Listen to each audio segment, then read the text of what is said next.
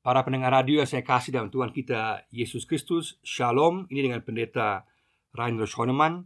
Pada saat ini kita akan merenungkan tema Penggunaan lidah Berkat atau bencana. Penggunaan lidah Berkat atau bencana Kita akan membaca dari Yakobus pasal 3 Ayat 1 sampai 12 Yakobus pasal 3 Ayat 1 sampai 12 Dosa karena lidah Saudara-saudaraku, janganlah banyak orang di antara kamu mau menjadi guru, sebab kita tahu bahwa sebagai guru kita akan dihakimi menurut ukuran yang lebih berat. Sebab kita semua bersalah dalam banyak hal. Barang siapa tidak bersalah dalam perkataannya, ia adalah orang sempurna yang dapat juga mengendalikan seluruh tubuhnya. Kita mengenakan kekang pada mulut kuda sehingga ia menuruti kehendak kita. Dengan jalan demikian, kita dapat juga mengendalikan seluruh tubuhnya. Dan lihat saja kapal-kapal walaupun amat besar dan digerakkan oleh angin keras, namun dapat dikendalikan oleh kemudi yang amat kecil menurut kehendak juru mudi. Demikian juga lidah, walaupun suatu anggota kecil dari tubuh, namun dapat memegahkan perkara-perkara yang besar. Lihatlah, betapapun kecilnya api, ia dapat membakar hutan yang besar. Lidah pun adalah api.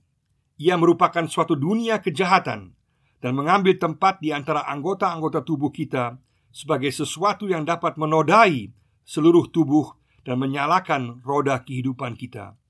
Sedang ia sendiri dinyalakan oleh api neraka. Semua jenis binatang liar, burung-burung, serta binatang-binatang menjalar dan binatang-binatang laut dapat dijinakan dan telah dijinakan oleh sifat manusia. Tetapi tidak seorang pun yang berkuasa menjinakkan lidah. Ia adalah sesuatu yang buas, yang tak terkuasai Dan penuh racun yang mematikan. Dengan lidah kita memuji Tuhan, Bapa kita. Dan dengan lidah kita mengutuk manusia yang diciptakan menurut rupa Allah. Dari mulut yang satu keluar berkat dan kutuk. Hal ini, saudara-saudaraku, tidak boleh demikian terjadi. Adakah sumber memancarkan air tawar dan air pahit dari mata air yang sama? Saudara-saudaraku, adakah pohon ara dapat menghasilkan buah zaitun dan adakah pohon anggur dapat menghasilkan buah ara? Demikian juga mata air asin tidak dapat mengeluarkan air tawar. Dalam surat Yakobus, Yakobus menekankan tentang kedewasaan rohani. Dan satu ciri daripada kedewasaan rohani adalah penggunaan lidah yang terkontrol yang membawa berkat bagi orang lain. Yang dimaksudkan oleh Yakobus dengan lidah di sini adalah perkataan kita, perkataan yang diucapkan oleh lidah tersebut. Lidah adalah alat tubuh yang kecil tetapi menguasai seluruh kehidupan kita. Memiliki pengaruh yang sangat besar. Yakobus pun pada saat dia berkhotbah, dia menyampaikannya menggunakan lidahnya. Maka lidah merupakan alat yang kecil tetapi memiliki pengaruh yang sangat besar para pemimpin negara-negara adidaya dengan satu kata mereka bisa mengucapkan perang maka akan terjadi perang di dunia ini. Atau mereka mengucapkan damai maka damai akan terjadi. Kata lidah memiliki kuasa yang luar biasa. Juga pada saat kita negosiasi dengan para penyandera satu kata yang salah dapat mengakibatkan kematian daripada para orang-orang yang disandera itu. Maka lidah dan kata memiliki pengaruh yang sedemikian besar juga lidah atau kata kita punya pengaruh yang luar biasa Bisa membawa keselamatan, membawa berkat bagi orang lain. Jadi bukan saja dalam dunia politik Tapi juga dalam dunia keluarga kita. Kata-kata kita dapat menghasilkan berkat bagi orang lain Tapi juga sekaligus ada bahaya Bisa menghasilkan bencana. Kita bisa menopang orang lain, menghibur, menguatkan orang lain Memberikan harga diri orang lain, memberikan semangat orang lain Atau kita juga bisa merusak orang lain dan juga menghancurkan nama baik orang lain. Amsal 18 ayat 21 mengatakan mati dan hidup ada di dalam kuasa lidah. Mati dan hidup ada dalam kuasa lidah. Dengan demikian lidah atau perkataan kita adalah hal yang kecil tapi memiliki dampak yang luar biasa besar, baik positif bawa berkat, tapi juga bisa membawa hal yang negatif, bencana yang luar biasa bagi orang-orang sekitar kita di keluarga, masyarakat, lingkungan di mana kita berada, atau dunia politik secara keseluruhan. Di sini Yakobus menjelaskan besarnya pengaruh lidah ini, dia menggunakan enam gambaran. Ada gambaran tentang kekang, kemudi, kebakaran hutan, binatang buas, mata air, dan pohon. Kita akan melihat bagian ini ada tiga bagian dalam pembacaan ini tadi, perikop tentang penggunaan lidah, berkat atau bencana. Yang pertama adalah, bagian pertama adalah ayat 1 sampai 5, lidah, suatu alat kecil dengan pengaruh yang besar. Lidah, suatu alat kecil dengan pengaruh yang besar. Ayat 1 sampai 5. Dalam konteks di sini, Yakobus pertama-tama berbicara kepada para guru, pada mereka yang memiliki posisi otoritas. Karena mereka yang memiliki posisi di bawah, mereka juga memiliki tanggung jawab yang sangat besar dengan perkataan mereka. Seluruh pasal 3 berbicara mengenai jabatan para pengajar dalam jemaat, tapi juga orang-orang yang mempunyai posisi atau orang-orang yang bertanggung jawab di tengah-tengah keluarga atau masyarakat atau semua kita di tengah-tengah kehidupan sehari-hari kita. Bahwa kita harus bisa menggunakan lidah kita dan juga bisa mengontrol lidah kita untuk kepentingan kebaikan dan juga membawa berkat. Yakobus mengingatkan kepada para pengajar, karena para pengajar akan dihakimi, akan diadili lebih keras daripada orang-orang lain. Kenapa? Karena mereka mempunyai pengaruh yang besar sehingga perkataan mereka bisa membawa pengaruh yang positif ataupun pengaruh yang negatif. Di sini Yakobus juga menunjuk kepada Yesus sendiri yang sangat tegas dan keras menegur para pemimpin atau pengajar Yahudi supaya mereka sungguh-sungguh bertanggung jawab dengan apa yang mereka ajarkan. Misalnya Matius 23 ayat 1 sampai 33, Yesus dengan keras menegur para pengajar Yahudi.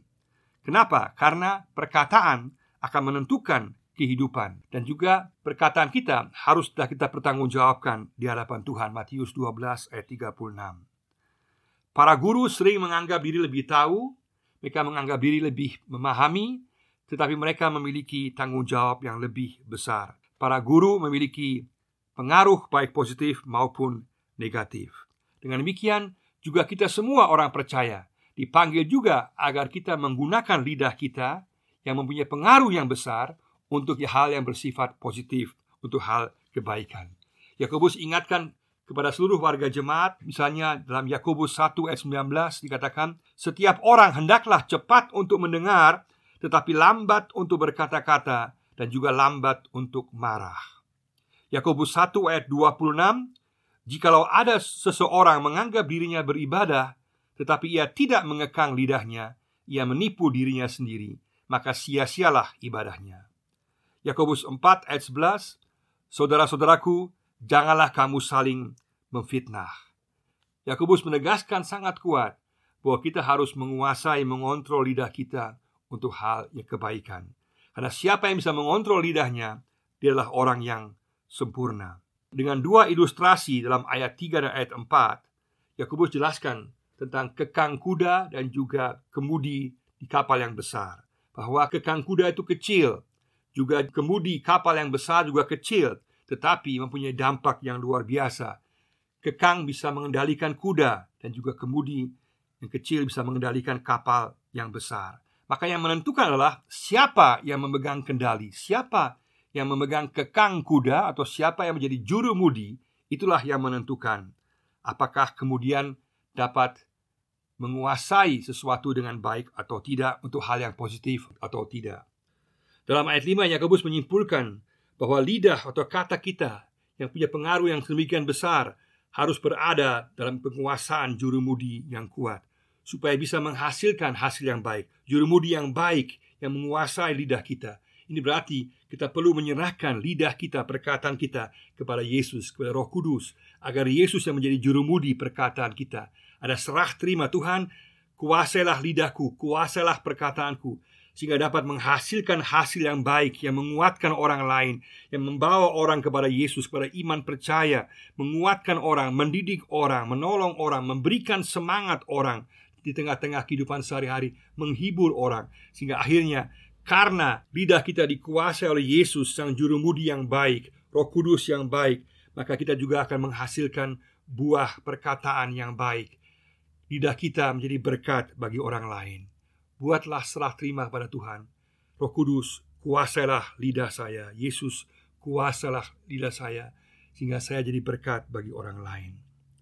Yang kedua adalah lidah suatu alat kecil dengan kuasa untuk menghancurkan. Lidah suatu alat kecil dengan kuasa untuk menghancurkan. Ayat 6 sampai ayat 8. Di sini Yakobus menggambarkan bahwa lidah mempunyai kuasa yang sedemikian besar untuk menghancurkan.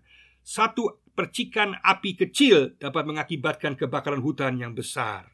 Dan kita juga tahu bahwa sering kali terjadi satu percikan api dapat menghanguskan banyak rumah. Pada tahun 1871 kota Chicago terbakar hampir habis oleh karena percikan api kecil yang menghabiskan hampir seluruh kota Chicago. Sampai puluhan ribu rumah yang kemudian terbakar habis. Juga perkataan kita yang kecil tapi dapat merusak masa depan anak-anak kita atau orang lain. Perkataan seperti kamu goblok, kamu bodoh, kamu tidak mampu, kamu tidak berguna, dan semua perkataan lain, semua makian lain yang merendahkan orang, yang menyakitkan orang, itu dapat membuat orang kemudian merasa minder, merasa lemah, dan kemudian kehilangan kepercayaan diri. Dan dalam perkembangan yang ekstrim, dapat juga menimbulkan orang-orang tersebut menjadi para psikolog mengatakan para pemerkosa atau juga para pembunuh berantai karena pada masa kecilnya mereka dibodoh-bodohi, digoblok-goblokan dan juga direndahkan. Maka perkataan kita mempunyai pengaruh yang sedemikian besar. Dan apalagi perkataan ini ditiup dengan angin seperti api, kena angin akan semakin besar. Maka kalau ada api perkataan yang kurang baik, harus langsung kita padamkan. Jangan malah kita bakar, kita hembus, malah kita tiup sehingga semakin besar. Di sini Yakobus bicara mengenai lidah bukan sebagai lidah sebagai pemberian Allah yang baik yang sebenarnya adalah baik, tapi lidah sering kali telah menjadi alat iblis, alat neraka untuk merusak, dengan menyakiti orang lain, merendahkan orang lain, menjatuhkan orang lain, sehingga juga merusak nama baik orang lain, bahkan kehidupan orang lain. Karena perkataan tidak bisa ditarik kembali. Dengan demikian, perkataan kita mempunyai dampak yang menghancurkan apabila dipakai secara negatif. Gambaran kedua adalah yang juga sama berbahayanya seperti api adalah bahwa lidah tidak bisa dikuasai oleh manusia karena bersifat liar dan buas manusia bisa menguasai binatang buas, tapi tidak bisa menguasai lidah, karena lidah menghasilkan racun yang membawa kematian. Semua binatang buas dapat dijinakan, tapi lidah tidak bisa dijinakan oleh manusia. Lidah hanya bisa dijinakan, dikuasai oleh Allah sendiri. Maka sangat penting bahwa kita datang pada Tuhan, kita minta ampun pada Tuhan. Tuhan, ampunilah semua perkataan saya yang salah. Aku mau datang kepada engkau Aku mau agar engkau yang menguasai perkataan saya Lidah saya Sehingga apa yang saya katakan Menjadi berkat bagi orang lain Saya mau, saya rindu Supaya lidah saya, perkataan saya dikontrol Oleh Yesus, oleh roh kudus Setiap hari kita harus menyerahkan lidah kita kepada Tuhan Agar sungguh-sungguh dikuasai Dan kemudian menjadi berkat Dan Tuhan pasti akan bekerja Roh Kudus akan bekerja Dan lidah kita, perkataan kita akan membangun orang lain, menguatkan orang lain, dan menjadi berkat bagi orang lain. Yang ketiga adalah lidah suatu alat kecil yang membawa hasil yang bertentangan. Lidah suatu alat kecil yang membawa hasil yang bertentangan. Ayat 9 sampai ayat 12. Manusia yang menganggap dirinya mampu menguasai lidahnya akan cepat sekali sadar bahwa dia tidak mampu menguasai lidahnya. Sekali lagi hanya bisa lidah kita dikuasai kalau kita menyerahkan kepada Tuhan di bawah kuasa Roh Kudus. Kenapa? Di sini Yakobus menggambarkan bahwa lidah kita menghasilkan hasil yang bertentangan. Di satu sisi kita memuji Tuhan dengan lidah kita, di sisi yang lain kita mengutuk orang yang merupakan ciptaan gambaran rupa Allah, manusia yang dikasih oleh Allah, kita hujat dan kita hina. Dalam kejadian satu kita tahu bahwa manusia diciptakan sesuai dengan gambar dan rupa Allah. Sehingga pada saat kita menghujat manusia atau menghujat orang lain Sama dengan kita menghujat Allah sendiri. Pertentangan ini sungguh aneh. Dari mulut yang sama ada pujian dan ada hujatan. Dan ini sekaligus merupakan suatu kemunafikan. Dan di sini Yakobus menggambarkan ada dua gambar Yaitu gambaran tentang sumber dan gambaran tentang pohon Sumber yang menentukan apakah airnya akan baik atau tidak Pohon akan menentukan buahnya seperti apa, hasilnya seperti apa. Tetapi tidak ada satu sumber yang menghasilkan dua jenis air atau satu pohon menghasilkan dua jenis buah. Tapi anehnya, itulah yang terjadi dengan lidah kita menghasilkan pujian dan kutuk. Sehingga masalah kita yang terutama adalah hati manusia. Karena hati manusia itulah sumbernya. Sesuai dengan Matius 15 ayat 18 sampai 19 Yesus berkata, "Tetapi apa yang keluar dari mulut berasal dari hati dan itulah yang menajiskan orang. Karena dari hati timbul segala pikiran jahat, pembunuhan, perzinahan, pecah bulan, pencurian, sumpah palsu dan hujat." Jadi yang kita perlukan adalah suatu pembaharuan sumber perkataan kita. Sumber kita harus diisi oleh firman Tuhan. Hati kita harus diisi oleh firman Tuhan sehingga kemudian dapat menghasilkan buah yang baik, hasil yang baik yang membangun. Secara praktis, pada saat kita mau berbicara, kita mau mengatakan sesuatu pada orang lain, perhatikanlah ada saringan tiga langkah. Ada saringan tiga langkah yang dapat menolong kita supaya perkataan kita jadi berkat bagi orang lain dan tidak menjadi bencana. Ini telah diajarkan oleh filosof besar Socrates, tapi sesuai juga dengan ajaran Alkitab. Tiga saringan ini. Yang pertama, sebelum kita berbicara, pertama adalah harus lewati saringan yang pertama, yaitu apakah yang hendak kita katakan itu benar? Apakah yang hendak kita katakan itu benar? Artinya, apakah yang kita katakan itu sesuai dengan fakta? Apakah kita memiliki motivasi yang murni? Apakah kita mengetahuinya hanya dari gosip saja, dengar-dengar saja, atau sungguh-sungguh kita tahu bahwa itu benar? Yang kedua, kalaupun itu benar, ada saringan yang kedua. Apakah yang hendak saya katakan itu perlu? Apakah yang hendak saya katakan itu perlu?